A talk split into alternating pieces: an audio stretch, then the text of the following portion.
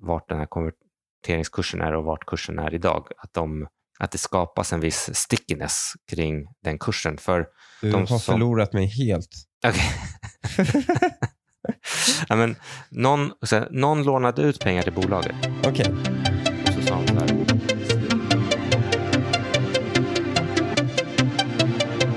Jag pratade förut om att jag var på Gröna Lund där den där olyckan inträffade. Ja. Och då tänkte jag stat- statistiskt sett att det inträffar en till olycka på ett nöjesfält är låg. Så vi hoppade in i bilen och körde ner till Köpenhamn, gick på Tivoli och sen Oh. körde vidare, gick på Legoland, sen körde tillbaks och var på Skara Sommarland. Oj, ni körde... Fan, det var ju skitbra ju. Men Skara Körde Sommarland, det ligger ju lite norrut. Nej, nej, Nej, man- nej västerut gör det ju. Eh, Ja. Först, åkte, först åkte vi rakt söderut över bron till Köpenhamn, Ja. Tivoli och sen åker man liksom tillbaks via Danmark, Legoland och sen båten över till Göteborg Ja. och sen via Skara Sommarland hem. Vad gillade du mest? Jag, jag, jag gillar nog Tivoli mest. Ja, det är ju Och- den mest vuxenkompatibla också. Ja, men, ja, jag tycker, alltså en sak som jag gillar med Tivoli det var att alla eh, matställen på Tivoli är externa leverantörer. Så det är riktigt bra Mm. mat. Om, om du vet på Gröna Lund eller Allt alla de som har samma. egna så är det Ja. ganska dålig. Det finns Mat. två externa Mm. eh, som har blivit en extern. Och Det är det här thai-stället på pontonen inne på Grönlund. Så finns det mm, en ponton där eh, det fanns en barbecue och ett thai-ställe. Och barbecuen verkade, den skulle öppna under covid och den verkade konka direkt då. Så har det här thai-stället tagit över, verkar det som, det här barbecue-stället. Och du får bara burgare, så här, lite bättre burgare. Och det är, det, det är helt värdelöst. Eh, Men eh, thai-stället är, är faktiskt det enda externa där och det är faktiskt väldigt, det är också gott. Eh, Men i övrigt är ju all mat detsamma där. tycker Legoland är ju, det är ju lite krystat kopplingen till, alltså de har ju lite Lego Movie-grejer men det känns som att många av de där grejerna, det är inte, det är inte byggt av Lego. Det är bara på utsidan det ser ut som Lego. Ah, du menar de har bara byggt och så har de lagt lego, limmat det liksom på Ja, det känns som det ibland. Ja. Det har ju varit kontroversiellt kring eh, GB, GB Glass. Ja, den här folkmördarclownen som min fru Ja, kallar det Edvard hela Blom tiden. eh, tweetade ju och skrev ju så beklämmande att åka runt i sommarsverige och se folkmordsclownen överallt. Förstår inte varför inte alla butiker och kaféer kastar ut GP. det han måste föreställa sig Mm. också är ju att det är inte GB som överslängs, det är Unilever. Mm. De äger ju Mm. fan allt. Jag, jag har ju noterat att här går ju i varje fall, om inte vid Marabou-chokladen så går ju gränsen för svenska folket här. Alltså det är ingen som GB. bojkottar GB Glass. Men när jag satt i bilen så fick, fick de också reflektera varför jag stör mig ändå lite på de här bojkottsgrejerna. Det är ju såklart lite att man alltid vill, man, ens ryggmärgsreflex är alltid att vara motvalls mot liksom någon sån här äh, strömning. Men jag tänkte Men alltså, att, jag kommer ju ihåg dig back in the days. Mm. När du var mot Vals. Då var det ju att du ledde bojkotter mot saker och ting du som etablissemanget inte bojkottade. har du något exempel du kommer Ja, ihåg? men, jag, jag vill minnas under Irakkriget Oj. eh, exempelvis så var du ju, och jag, väldigt Mm. pro. Och då var det ju vissa som, ja, men, om de var anti-amerikanska så kunde vi Mm. bojkotta dem. En svart fläck i ens eh, po- politiska historia. ja, exakt. Jag tror både du och jag får, får ta en hård L på, på ta en hård loose på Irakkriget. Det jag kommer fram till att jag stör mig på det är ju faktiskt att eh, alltså Putin, även innan han invaderade Ukraina, så det var ju, man visste ju 100% svart på vitt. Det här är en person som fängslar och mördar politiskt oppositionella. Det, det är ju liksom med, vad heter det, var det med plutonium eller han Ja, förgiftade ju en kille ja, exakt. De har det här. Och alla rika ryssar som försökte opponera sig honom hamnade i fängelse. Det, det var ju inte ens, det var ju inte omdebatterat huruvida det var så. Och sen beslag, så, så bara tog de ju Krim också. Ja. Alltså, Så- så, det och var, under hela den perioden så pumpade svenska banker och fondförvaltare in mil, hundratals miljoner, om inte miljarder, in i ryska statsägda bolag som Gazprom. Mm. Och varje gång, det var en period som jag förvaltade en fond i fond, och varje gång man träffade en svensk Rysslandsfond och Mm. frågade hur kan ni äga Gazprom, eh, så var det alltid, ja men bolaget är lågt värderat. Ja men det är ju lågt värderat för att det är ett skitland. Men, ja, ja men eh, vi liksom, vi se, alltså det var nästan så att de sa att här, men vi ser diktaturen som liksom, att den ger stabilitet. Eh, de såg det nästan som något positivt. Så, så alla de här hundratals miljarderna som har pumpats in i ryska statsägda bolag som har byggt upp Rysslands krigsmaskin, det var så här, upsi, men, men nu ska då vi, så här, gemene man som inte utger sig för att vara Rysslandskännare, vi får inte äta GB-glass. Men- Det, det, jag tror att det är det som jag Ja, mig på. Om en politiker i Sverige eh, visar sig att han har mördat en, en av sina motkandidater, Mm. alltså skulle man tycka det var okej att man pumpade in hundratals miljoner i, alltså, i hans i personvalskampanj. hans person. Alltså, ja, ja. Men eh, man låter de stora grejerna gå förbi och så blir Mm. man upprörd över glassen. Mm. Ungefär som det här klassisk, numera klassiska klippet där Donald Trump sitter i möte med Merkel, tror jag det är. Mm. Och så säger han så här, men vad är, vad är poäng? Han, han, han, om man ska sammanfatta det han säger, är väl typ så här, är inte poängen med NATO att skydda oss från Ryssland? Eller liksom, vad är Ja. annars poängen med NATO? Ja. Och samtidigt så ska då ni göra er helt beroende av Ryssland i er energiförsörjning. Eh, varför ska USA fortsätta vara största finansiär av NATO för att skydda er mot Ryssland om ni sen går och pumpar in pengar i Ryssland och gör er beroende av Ryssland? Och liksom, hela den diskussionen, den liksom var de stora makthavarna, de som verkligen fattar stora beslut, det ska vi, det ska vi skita i. Utan det vi ska bli upprörda över det är Mia, 29, som går och köper en Nogger på eh, Hemköp. Liksom. Det är hennes fel att Ryssland invaderar Ukraina. Well, I have to say, I think uh, it's very sad when Germany makes a massive oil and gas deal with Russia, where you're supposed to be guarding against Russia, and Germany goes out and pays billions and billions of dollars a year to Russia. So we're protecting Germany, we're protecting France, we're protecting all of these countries. And then numerous of the countries go out and make a pipeline deal with Russia where they're paying billions of dollars into the coffers of Russia. So we're supposed to protect you against Russia, but they're paying billions of dollars to Russia, and I think that's very inappropriate. And the former chancellor of Germany is the head of the pipeline company that's supplying the gas. Should have never been allowed to have happened. But Germany is totally controlled by Russia because they were getting from 60 to 70 percent of their energy from Russia and a new pipeline. And you tell me if that's appropriate because I think it's not. And I think it's a very bad thing for NATO, and I don't think it should have happened. I think it's something that NATO has to look at. I think it's very inappropriate. Jag hittade, jag hittade en ultimat eh, krigsförbrytarglass Okej, vad heter och den? min fru köpte den. Vad är en krigsförbrytarglass? Ja, men det var, eh, vi var ute på Grinda i skärgården. Tog båten över dit och sen ville hon ha en glass som var så här Marabous apelsinchoklad, typ hette det. Mhm. Som var en glass gjord av GB Unilever. Det var Marabou och Oj. Unilever. Det var som en Jesus. trifecta of evil. Det är den de serverar på fronten till ryska soldater. Men kul med NATO. Eh, Äntligen. Får väl du och jag säga i alla fall. Ja, jag är tveksam, men, Har du blivit tveksam till NATO nu? ja, men jag är. Vad fan? Nej, men eh, låt mig förklara som en, som en ekonom gillar det. Utan NATO och vi ska bygga upp en egen försvarsförmåga Mot, mot, mot ryssen. har de, för, de har aldrig uttryckt något intresse för Sverige. Det har de väl? Varför bedriver de så aktivt mycket verksamhet här med spionage och tränar på atombomba oss? För att om vi går med i NATO så vill de atombomba oss. Nej, det här var ju långt innan. Det här var ju flera år sedan. Mhm. Men eh, bara BNP-mässigt, om vi ska ha en försvarsförmåga som kan skydda Sverige mot ett, Mm. mot ett angrepp, vilket är poängen med att ha ett försvar. Jag, Mm. menar, eller, liksom, jag tror inte du tycker att vi ska lägga ner hela försvaret.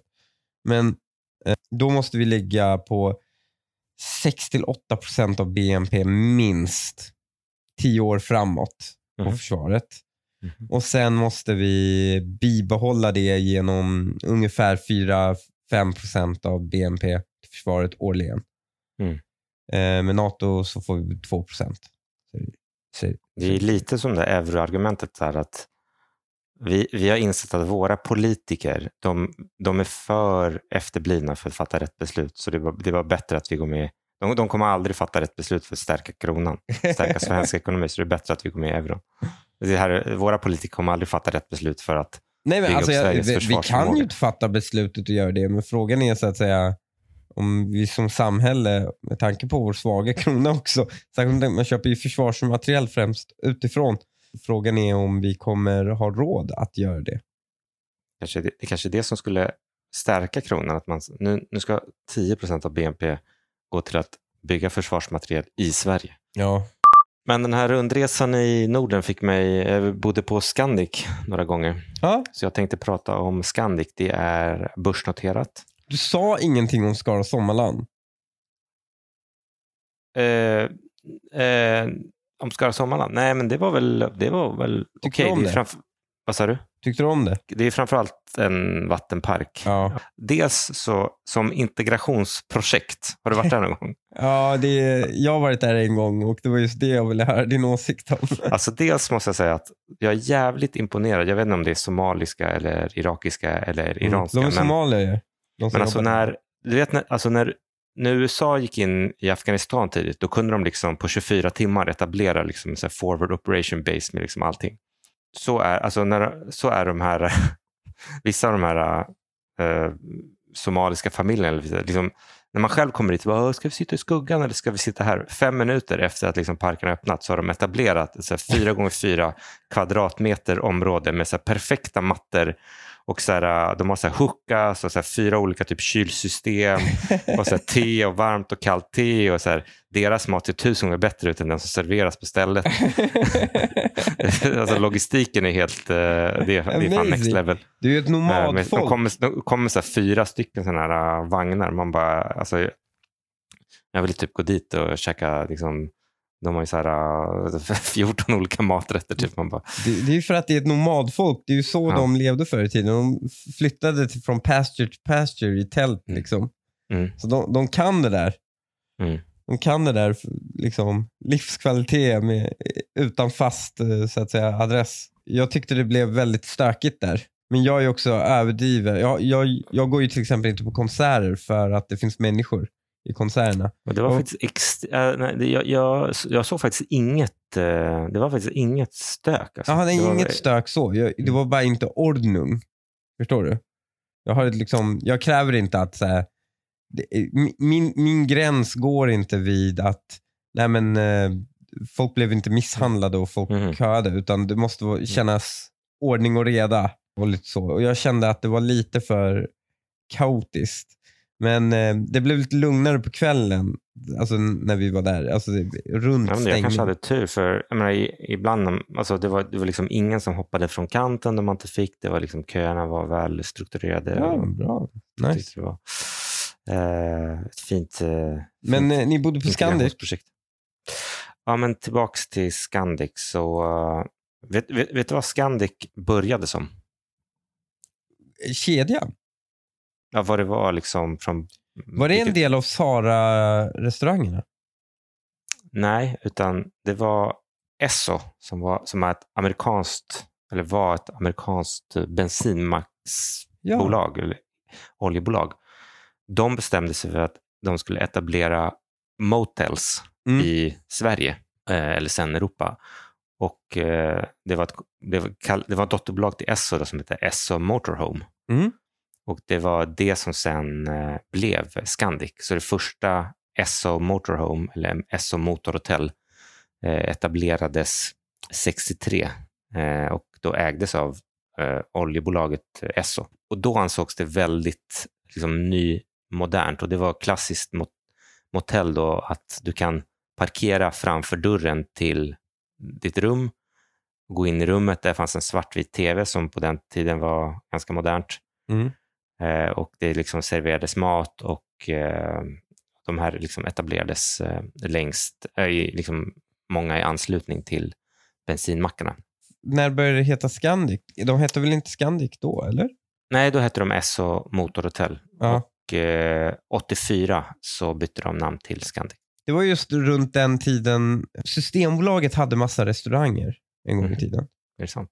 Ja, Systembolaget hade, hade, Systembolaget hade, deras restauranger hade monopol på att sälja alkohol i Sverige.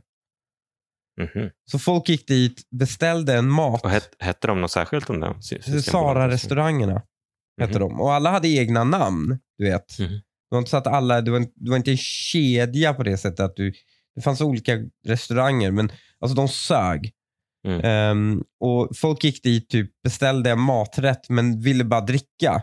Så Mm. då hade de samma maträtt som gick runt mellan borden. För folk Mhm. fick bara dricka med mat. Var, var, var, inte det generellt på alla restauranger? Eller var det Nej, det var bara Sara-restaurangen. Sen ah, skicka, tog man bort det. Det hette Sara, Sveriges allmänna restaurangaktiebolag. Eh, och det var en statlig eh, hotell och restaurangkedja. Eh, kedja.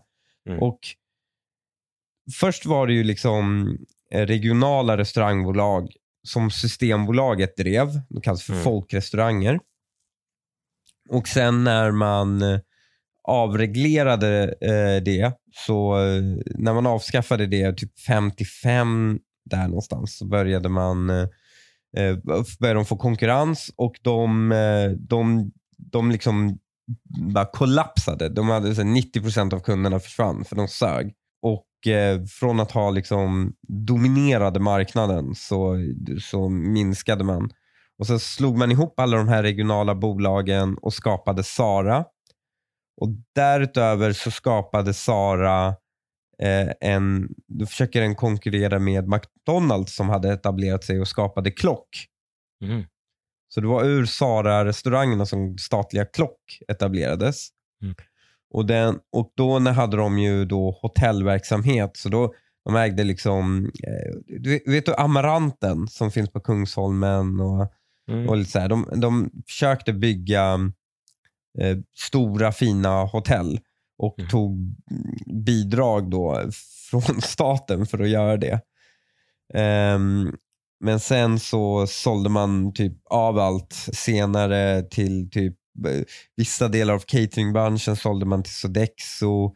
Ja, och sen så konkursade man väldigt många, vissa av de här konkursade man av dotterbolagen konkursades och typ Gotia hotell, eh, och Amaranten, Anglais, Continental, Frösundavik, Malmen, Park, Risen, Plaza i Västerås, Allt Stadshotellet i. Växjö. Allt det ägdes av staten och, och såldes ut. Så Scandics största konkurrent en gång i tiden måste ha varit staten. Har du bott på Scandic nyligen? Vet du vad? Det var inte så länge sedan jag gjorde det faktiskt. För att vi gillar ju att åka till Örebro på, eh, och bada. Eh, de har ett eh, äventyrsbad där som är lite out of the ordinary. Som är riktigt Mm. stor och snygg. Och tjejerna, eh, vi åkte dit en gång och efter det har tjejerna brukar de tjata om att vi ska åka tillbaka dit. Mm. Och då ibland när vi inte, typ när vi vill vara där lite längre och käka middag, då sover vi över också. Och då tar vi Mm. en ganska basic motel Scandic och, eh, och sover över där. Men det är ju väldigt mycket konferenser man har varit på. Där man Mm. har varit på Scandic. Många stämmor med MUF tillsammans med dig. Mm. Mm. Scandic Star var väl sist kanske vi var på en stämma ihop Mm. eh, i Sollentuna. Och, eh, och sådana ställen är, du, är man återkommande gäst hos. Nej, men jag bodde på ett Scandic i Köpenhamn och sen faktiskt ett jävligt coolt Scandic i eh, Fredrikshamn som ligger tvärs över från Göteborg i Danmark som hette The Reef som hade jättestort inomhusbad. Mm. Men hotellrummen kostade som vanligt så att om man har barn som gillar att bada så kan jag verkligen Oh my god. Ja, du, som du Scandic kanske The hörde. Reef. Våra barn älskar ju att bada. Så det Mm. kanske blir ett vinterbesök ett hos dem då. stort, eh, stor vattenrutschkana inne i hotellet. Liksom. Coolt. För att få en liten bild av Scandic, då, de har 56 000 hotellrum. 32 procent av dem är i Sverige, 30 procent av dem är i Norge, 23 procent av dem i Finland, 11 procent Danmark och sen 4 procent är eh, Tyskland och övriga, lite övriga länder i Europa. Mm. Men Så- de lever upp till namnet Scandic, verkligen. Ja, verkligen. Och de hade ju en brutal, vad ska man kalla det, mag, inte magplask, våldtäkt under covid. ja. Så, så 19, mellan 19 februari och 19 mars eh, 2020, då, precis när covid-restriktionerna annonserades, Mm. så föll kursen eh, typ 87 procent. Så all time high, den var typ all time high precis innan på 118 och den föll till 24. Och som referens då så har den sedan dess återhämtat sig till 43. Mm. Och aktien är ganska populär bland småsparare. Det är 53 000 ägare, eh, 42 000 av dem på Avanza. Och det var intressant att se, jag tittar också på Avanzianerna i varje fall, de är ju otroliga rabattjägare för innan kursen kraschade så var det bara 8 000 ägare Mm. och nu är det 56 000 ägare. Eh, så att det, eller det, det pikade på 56 000 2021 och nu är det eh, 42 000. Så att det gick från 8 000 till 56 000 ägare på Avanza liksom efter att kursen föll och sen började återhämta sig. Så att det faktum att kursen kraschade drog till sig mycket intresse. Men man kan säga att folk gjorde väl också den korrekta analysen att hotell, äh, de skulle ju väl kunna konkat om covid-restriktionerna hade hållit på längre, men Mm. nu, de fick ju massor med bidrag och stöd och sen så nu har ju då hela branschen återhämtat sig och beläggningarna börjar komma tillbaka. Tvärtom verkar de vara väldigt inflationsdrivande också. Såg att eh, var det Riksbanken som påstod att när Beyoncé hade sin konsert i Stockholm så skapades massa inflation i Stockholmsområdet för att det flög in så många människor med pengar till Sverige. Det belyser bara hur efterblivet vi mäter inflation. Men, eh, och, men, men trots detta då, aktien var nere på 24, gått upp 100 procent sedan dess, så är det, ti, det är det tionde mest blankade bolaget. Men varför det? Jag bara tänker, om jag tänker, vi går mot en, eh, så att säga, en tid där vi inte kommer ha råd att åka så mycket utomlands för våra pengar är inte värda jack shit. Och jag, ser ingen, jag ser inte heller att det skulle vara någon tillfällig grej. Mm. Eh, I och med att jag tror att svenska kronan, precis som du, att svenska kronan är svag på grund av fun- fundamentala faktorer Mm. och inte på grund av eh, det här eh, jobbig tid just nu. Mm. Så eh, då borde ju så att säga ett, vara mer lönsamt för andra att besöka Sverige. Mm. Det driver ju hotellverksamheten och också fler som semestrar i Sverige. Där Scandic har ett starkt varumärke. Nej, men jag håller med och det, det är väl här liksom ett eventuellt köpläge finns. Jag tror att det folk verkar vara lite kritiska till det är då att högre räntor ska leda till att folk har mindre pengar i plånboken att eh, resa för och att eh, återhämtningen i konferenser och sånt, eh, att den inte kommer vara så stark som folk tror. Men nu säger ändå Scandic senaste kvartalet jag lyssnat på att eh, konferensverksamheten och så vidare är eh, på väg mot eh, helt liksom gamla nivåer. My name is Jens Mathisen. I'm the CEO of Scandic. First of all, I am very, very pleased to present a strong start to the year. During the quarter, demand from corporate and leisure was good. I would like to highlight that the demand for meetings and events was on a historically high level for first quarter, which is very promising uh, and, a promising start uh, of the year. The hotel market has uh, had a good start to the year with increasing demand throughout the, the quarter. And the demand was good from both corporate and leisure. Domestic travel in our markets continued to be strong, well above 19 levels. And intra-Nordic and European travel is at good levels in line with 19. We also note that intercontinental travel uh, is picking up quite well and continues to improve uh, strongly month by month, mainly driven by more guests from USA and from China. So overall, demand for hotel stays and visits is good, and there's more potential for market recovery, uh, especially from intercontinental travelers. So 2023 seems to be a, strong year for the travel industry, which of course is, is very satisfying. Jag tror konferenser snarare kommer bli ännu mer viktiga nu när många är work from home och remote och skit så blir ju Mm. eh, så att säga partyfe- eh, företagsfesterna viktigare. En intressant frågeställning som jag har tänkt på kring liksom, är det här köpvärt eller inte eller hur ska man värdera det? Det är, ska man titta på bolagets liksom, vinstmöjligheter de närmaste två, tre åren Mm. eller ska man titta på det här som över en, så här, över en 20-årscykel så blir det pandemi och skit med jämna mellanrum. Så det ska vara, man, det ska vara en jätterabatt på att äga de här. Det är lite som flygbolagen, att det är liksom, man, man vet inte vad, men var tionde år så är det liksom totalt, eh, liksom det är antingen terrorism eller lågkonjunktur eh, eller liksom att det går så bra så att alla startar flygbolag så att det går inte att tjäna pengar. Så att det, liksom, det, går, man, det ska vara lågt värderat hela tiden för att det finns alltid, no, man vet inte vad, men det finns alltid något tail event som inträffar. Ja. Men hur mycket, hur mycket så att säga, hur belånade är de i sina fastigheter? Hur exponerade gentemot ränta är de? Nu kommer vi in på lite teknikaliteter. De har 3,3 miljarder i belåning, men en del av det är någonting som heter en konvertibel. Vet du vad det är? Nej, berätta. Så för att eh, finansiera sig 2021 så gjorde de eh, en konvertibel och eh, det är en, egentligen en skuld som i det här fallet eh, kan då konverteras till eh, aktier i bolaget. Mhm. Och eh, Eh, ibland, de kan vara strukturerade på lite olika sätt. Så som den här var strukturerad så var, kan man säga, implicit ränta på 11 procent. Men den betalas också i nya aktier när konvertibeln väl löper ut. Och konverteringskursen är eh, 43 spänn och kursen är just nu 43 spänn. Och jag tror att de jag tror att de två sakerna är liksom lite kopplade till varandra. Att vart den här konverteringskursen är och vart kursen är idag. Att, de, att det skapas en viss stickiness kring den kursen. För, Du De har som- förlorat mig helt. okay. ja, men någon, här, någon lånade ut pengar till bolaget Okej.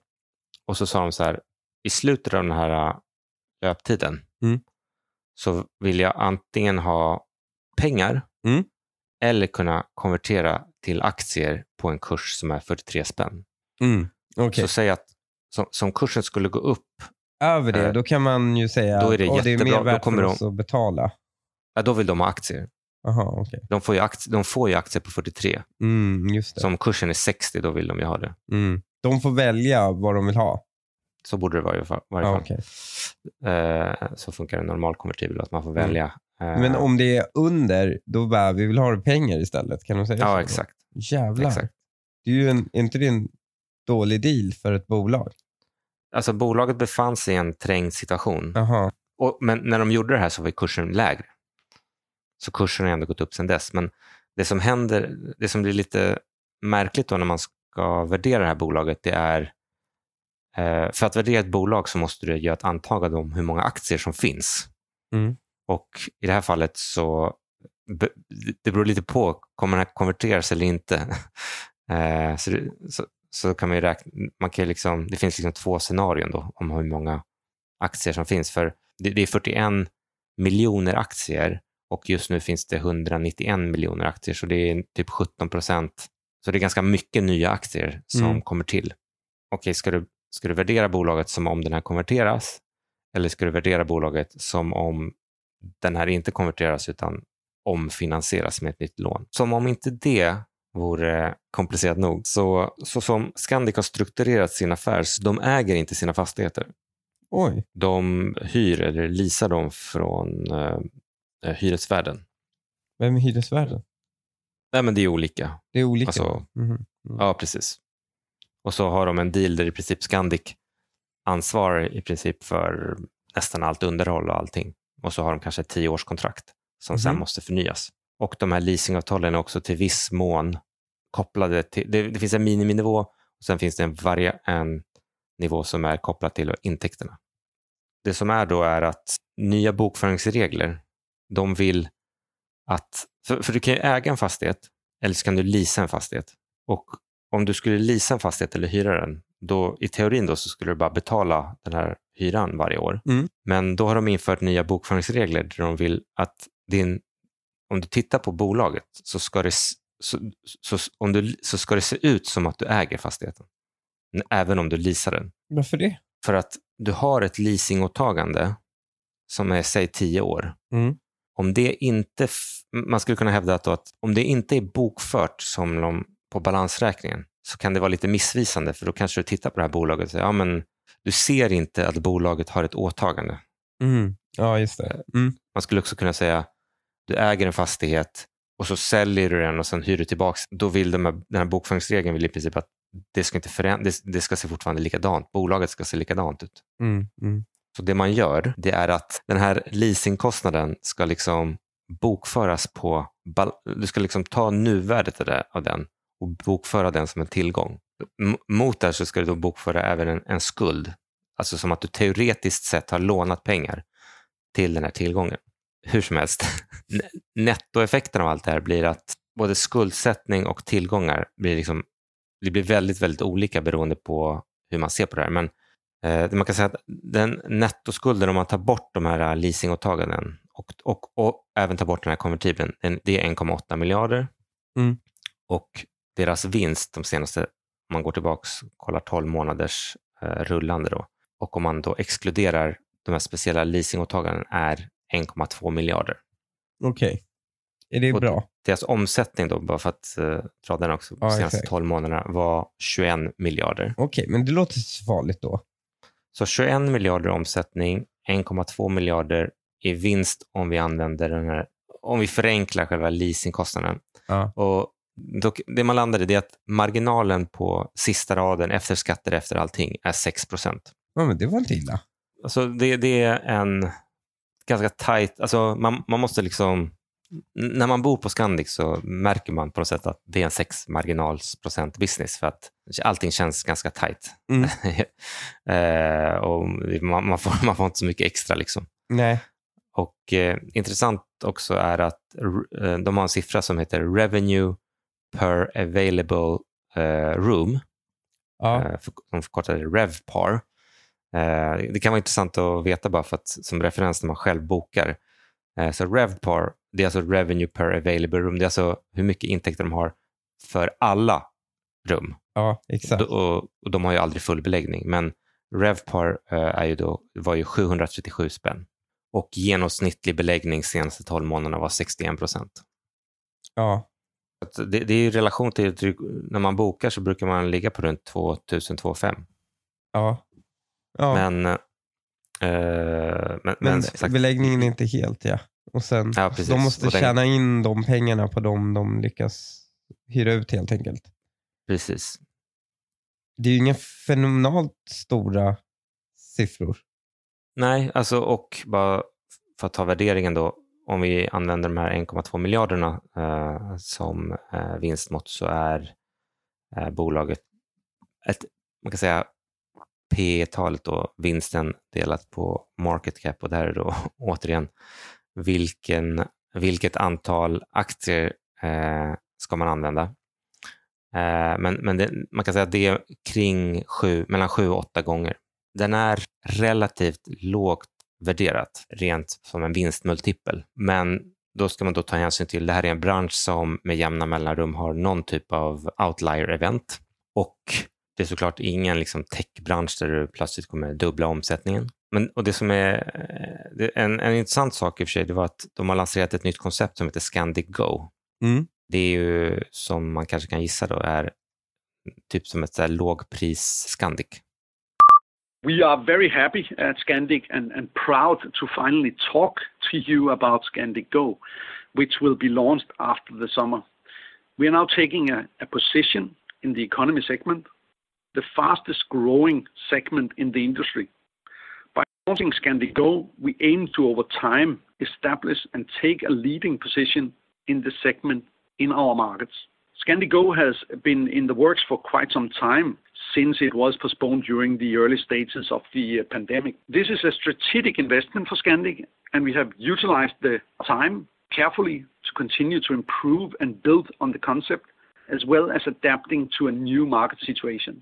I'm confident that we have announced a brand and concept that shows our clear objective to boost our growth rate, attract a new generation of hotel guests, as well as adding more hotels to our pipeline.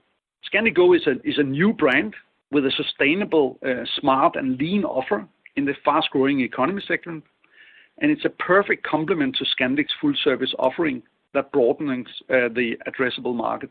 This means uh, also great growth potential as the economy segment represents only about 5% of the hotel market in the Nordic countries compared to about 15% in the rest of Europe. With a high share of room uh, revenue and less uh, food and beverage, Scandic will also support higher margins and be more capital efficient than the average Scandic hotel. Jag trodde alla Scandic var lock, men det är, en, är det lite som Formula 1 som finns runt om i Europa? Har du, har du bott på en sån? Nej, nej det har jag inte. Är det typ full, helt automatiskt eller? Typ, nästan. Alltså, du, du får liksom frukost. Det är, det är ett par skålar med du vet, så här, värmebeständig marmelad och smör i mm. så här, små med, med typ eh, bröd i plastpåsar. Liksom. Och eh, toaletterna är typ automatstädade. Um, och det är super, super basic. Är, men du får rum för typ 30 euro, 50 euro.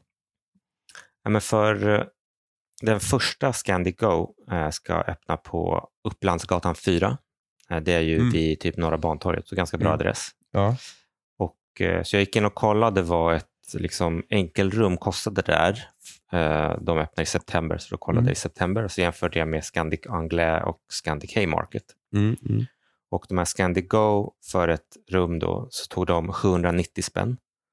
Medan Anglais tog, för Anglais billigaste rum var 1140 och Haymarkets billigaste var 1800.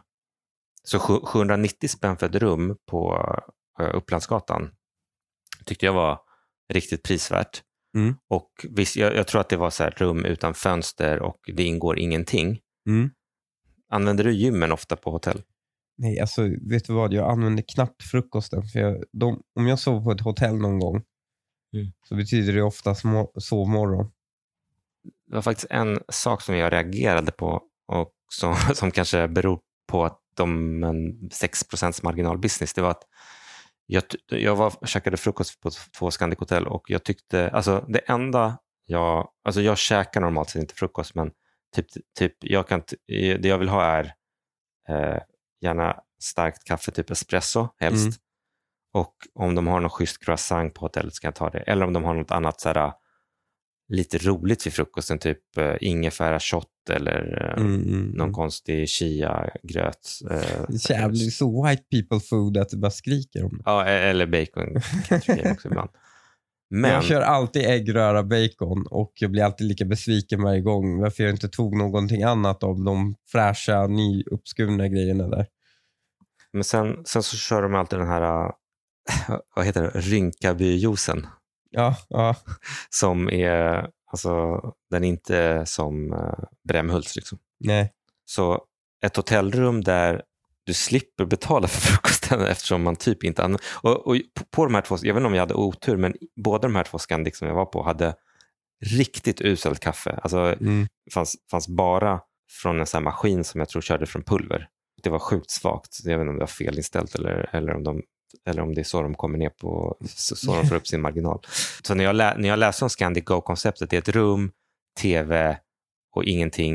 Men jag tror att du kunde köpa till kaffe Alltså det är nästan så att jag föredrar det. Så jag, och rummet kostar 790 spänn. Så jag tyckte det lät sjukt attraktivt. Sen vet inte jag hur mycket det här kommer kannibalisera på deras dyrare hotell. Ja, verkligen. För att eh, jag tänker, när vi körde God ton-turnén, när vi ville liksom unna oss på slutshowen så valde vi att boka Elite liksom, eh, för att lyxa till det lite. Mm. Men när vi ville bara köra standard Mm. Eh, verkligen standard standard. Då tog vi Scandic. För i mm. mitt huvud är det är liksom, Scandic är inte ett dyrt märke i mitt, eh, i mitt huvud. Det är inte heller liksom för jävligt. Jag vet Mm. att jag kommer få, det är liksom en, ja, men någon form av middle ground. Mm. Ehm, så jag tänker de som inte är ute efter en, en upplevelse helt enkelt.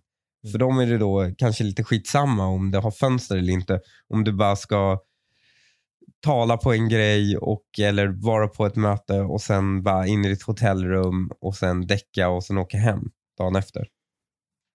Alltså det, det sjuka, en sjuk grej med hotellrum utan fönster, det är typ, jag föredrar det för de flesta hotell bygger inte rummen så att du, får, så att du, kan, by, så, att du kan få totalt mörker. Nej. Ga- Gardinerna är inte satta så att du kan dra dem hela vägen så att det kommer in ljus ändå. Och Det är bara två saker jag vill. Jag vill Gud, det är så jag vill att, tvärtom för mig. Jag är alltid imponerad av hotellen att de alltid har he det är en av de få ställena jag kan få total mörker. Ja, jag har Vilket- bott på så många ställen där det kommer in på ett eller annat sätt. De har liksom gardiner som liksom går, alltså där det på, på något sätt är ljusinsläpp och det finns inte espresso på morgonen. Det är de två enda grejerna jag vill ha. Så det här Scandic Go där du köper ett eget kaffe och du bor i en kartong utan fönster det låter, och det är billigt. Det låter perfekt för mig. Det är någonting som de ska lansera och, och rulla ut i Europa, både nya hotell och eh, vad jag förstod också en del konverteringar. Det intressanta var också att vdn sa att det var högre marginal på Scandic Go än de andra, än de andra koncepten, så som jag förstod det, på grund av att på grund av att det är lägre marginal på mat och sånt. Eh, Förstår du? Alltså, eh, Scandic Haymarket Mm. serverar mat och allt möjligt och på maten, vad jag uppfattar det då, så är det lägre marginal medan att bara erbjuda ett rum, bara den Ja. tjänsten har högre marginal. Så, att, så egentligen, kan ni, om det kannibaliserar så Så är det bara bra. okej, det sänker omsättningen men borde höja vinstmarginalen. Ja. With a high share of room uh, revenue and less uh, food and beverage, Scandigo will also support higher margins and be more capital efficient than the average Scandic hotel. ja men jag kan tänka mig restaurang och allt sånt, särskilt för ett hotell, är ju... Ett problem med hotellrestauranger är väl att ehm, de kanske inte de, de, de kanske inte kan få mer kunder än vad de har i beläggning. Mm. Ehm, det är få som käkar på ett hotell som inte bor där, tycker Mm. jag. Och det sen, inte är en jävligt bra restaurang. va? Om det inte är en jävligt bra Ja, om det inte är en jävligt bra. Haymarket är ju en trevlig bar där tycker jag. Jag har Mm. aldrig ätit där. Men den, ja, den verkar ju också lite premium, eh, det Mm. stället. Men det är ju liksom personalintensivt på ett helt annat sätt än bara ett hotell. Mm. För jag menar, bara ett hotell, då har du på din höjd en reception. Och sen har du inhyrda städare som kommer dit på dagen och drar. Mm. Mm. Det är väl that's it och en vaktmästare eh, Ja. som man förmodligen hyr in. Ett, ett varningens finger också. Om man går in på Scandics sida på Avanza så står det att de har 2,5 procent intäkter från ifrågasatta branscher, nämligen alkohol. är det så lite alkohol i deras omsättning? Eh, Jag antar att det här är någon, ja, som, hur stor del kan liksom restaurangernas alkoholförsäljning vara av jag, vet, det jag stör mig på, och minibarerna måste det väl vara. Också. Ja, jag stör mig på att man inte kan få en öl. De, de stänger ju liksom förmå, sä, sä, sälja ölgrejen typ klockan, de det finns inget undantag utan det går med serveringstillståndet. Så Mm. bara, jag får gå upp i mitt rum och öppna en ölflaska och dricka den ur mini ur, ur kylen. Men du Mm. kan inte ge den till mig här. En, Mm. en stor flaska här. Jag kan Mm. köpa den i receptionen av dig. För att ditt alkoholtillstånd för restaurangen är ett annat än alkoholtillståndet för själva hotellet. men hur funkar det egentligen med minibaren på rummen? Då, är det något special undantagstillstånd? eller? Ja, det finns några undantag. Det finns det för så här, hotell, tåg och lite sådana här har inte samma, att de måste ha restaurang och servering för att, eh, för att ge alkohol. Brukar du nyttja den här minibaren på hotellen? Ja, Coca-Cola varje gång. Är det minst en cola? Ja. Jag är sockerberoende. Du glömmer köpa eller? Nej, jag, jag, jag vill ha en, en glas cola kall. Ja, just det, de, de har ju de där glas. Ja. Mm. Ja. En del av upplevelsen. Ja. Det och Bibeln i, de har i alla de här. Jag tror inte Scandic har det. Men vet du vad? Det är inte ett enda hotell som köper in biblar utan det finns ett eh, så, organisation som går ut och lägger ut biblar i, i de här rummen. Varje gång de checkar in eller, Nej, jag tror de får OK på att göra det. eller så här infiltrerar via städfirmorna. Men jag vet att Scandic var ju först med så porrfria hotell. Ja, just, just det. Jag, vet du vad, jag kommer ihåg, jag, jag, ehm, jag satt i landstinget precis när liksom det där höll på. Och då, då var det så här, äh, vi hade konferens eh, med den gruppen. Och då, om det var någon miljöpartist eller Mm. sosse eller vänsterpartist som liksom frågade tjänstemännen, bara, men när vi bokar hotell så vill de absolut att det skulle vara ett eh, porrfritt eh, hotell. Men eh, jag tycker de inte tar sitt ansvar. Om man är där, har de verkligen blockat alla porr eh, på sitt Eh, internet? på sin route. Ja, det, det känns som att eh, den frågan löste sig själv lite. Ja, men eh, det var ju offentlig, sek- Nej, det var ju offentlig sektor som fick alla att byta. Ja, precis, men nu tror jag att liksom alla har ju, nu, Ja, nu har de inte har ens en- tv-kanaler. ja, Nu har de ju bara, man kan ju streama själv. ja, exakt. Jag tror också att det, för övrigt så är ju det en, eh, en, en marknadsföringsaspekt för det här Go. Att eh, du har en tv som du kan eh, streama till själv. Fan, har du någonsin varit på ett hotell där det har funkat? Ja, ibland har det funkat. Jag, varje gång jag har varit det så har det liksom aldrig funkat. Men ibland har det varit att de har, eh, de har liksom apparna på tvn och sen den som har bott där innan är fortfarande inloggad. Men det, det, och det är också så här nervositeten. Så här, vad, har jag valt rätt tv nu eller streamar jag till, till grann? eh, ja, skönt om de får det att funka. Jag var på Astrid Lindgrens barnsjukhus. Mhm. Där de eh, har offentlig sektor och köpt in något dyrt system för att kunna göra det. Eh, till rummen. Man bor Ja. ju i de där rummen ganska länge. Mm. Och vi, skulle, vi var där i en och en halv vecka.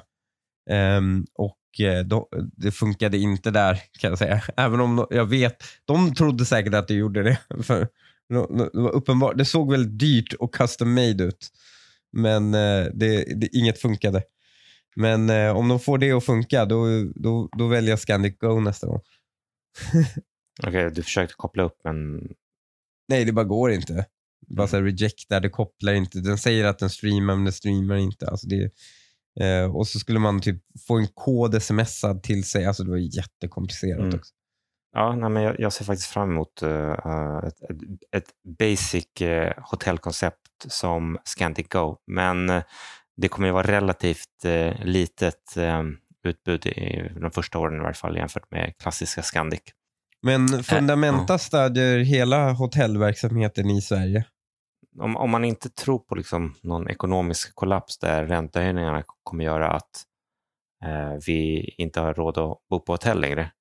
Eh, och samt, liksom, jag, jag såg väl häromdagen att det var idag eller igår så var det enligt Flight Radar, eller högsta antalet eh, flygningar på en dag, eh, så all time high Mhm. någonsin. Men då så, Eh, så we're som- back in business boys. Så som du säger, den, lo- om inte vi har råd så kommer andra ha råd att komma hit. Ja. Eh, och eh, en liten intressant detalj också, på senaste årsstämman så fattade bolaget beslut om att möjligheten att eh, återköpa aktier. Så att eh, ledningen verkar ha gott självförtroende om att eh, de ska fortsätta eh, generera cashflow, kanske till och med återköpa aktier, eh, att kunna refinansiera den här konvertibeln och eh, då köper man ändå det här bolaget på eh, ganska låg multipel. Eh, det är dessutom ganska blankat, vilket betyder att eh, det kan liksom bli liksom extra boost då när de här om de här blankarna som är ungefär 10% av aktierna Mm. tvingas, eh, tvingas köpa tillbaka dem. Mm. Och jag tror anledningen att den är ändå relativt nedpressad är väl att folk fortfarande är just då tveksamma till eh, att eh, återhämtningen håller i sig. Jaha, jag, jag, jag, tror, jag tror det ser ganska bra ut för hotellbranschen i, i Sverige i alla fall. Mm. Eh, och eh, eh, Deras största konkurrent i Sverige måste väl vara Choice? Stort Eh. amerikanskt bolag. Men förresten, bod, vad, tog ni Elite eller? Eh, på God ton, turnén. Ja, Ja. vi valde Elite. Men tyckte du att det var så? Jag, när jag bott på Elite har jag inte tyckt att det var så här överdrivet. Det var eh, väldigt, lyxigt. väldigt lyxiga entréer. Men Ungefär that's som, it. vad heter det, vad heter det där, uh, byggbolaget? Oscar, Ja, exakt. Oscar Properties. Oscar Properties. Ja, nej, men, alltså- och det här var ju grejen. Så när du kommer in där så är det så här italiensk marmor och sånt. Sen var ju hotellen stora och rymliga och ingenting att klaga på, men de var inte exceptionella heller. Mm. När jag, jag, bodde, jag har bott på Grand Hotel i Stockholm en gång. Mm. Eh, och Det är väl den lyxigaste hotellupplevelsen jag har haft. Mm. Där fick jag ju, det var ju när jag skulle förlova mig, så hade Mm. jag ju bokat det. Och det var ju, då blev jag uppgraderad för jag hade bokat fel dag. Och de tyckte Mm. så mycket synd om mig så de fixade in mig till en svit. Mhm. Ehm, och då var det ju ett exceptionellt rum. Det var ju Mm. väldigt vackert. Mm. Ehm, men det verkar vara, eh, när jag varit utomlands, alltså Mm. i Sverige då, men utomlands när man bott på lyxhotell utomlands, men då är det ju så här, äh, det är en helt annan standard. Utom, jag tror det blir för dyrt att driva verkligen så folk känner så här, här finns det något extremt lyxigt i Sverige. Jag tror det blir- det är bara för dyrt att göra det. Ehm, så det är en sån smal målgrupp då jämfört med, eh, tror jag, jag bodde på ett fint hotell en gång i Washington och det var Mm. otroligt. Ja, precis. Nej, om, om, så här, me, medelfint hotell utomlands är ju typ som Grand. Ja, exakt. Sen har du liksom, alltså om du går på liksom, här Mandarin Oriental som är lite eh, lyxigare, men det finns ju Mm. mycket lyxigare än så. Men, exakt, men, det var Mandarin faktiskt. Jag bodde- Mandarin är ju brutalt trevligt. Ja, det var ju jätte, alltså det var ju hur vackert som helst. Mm.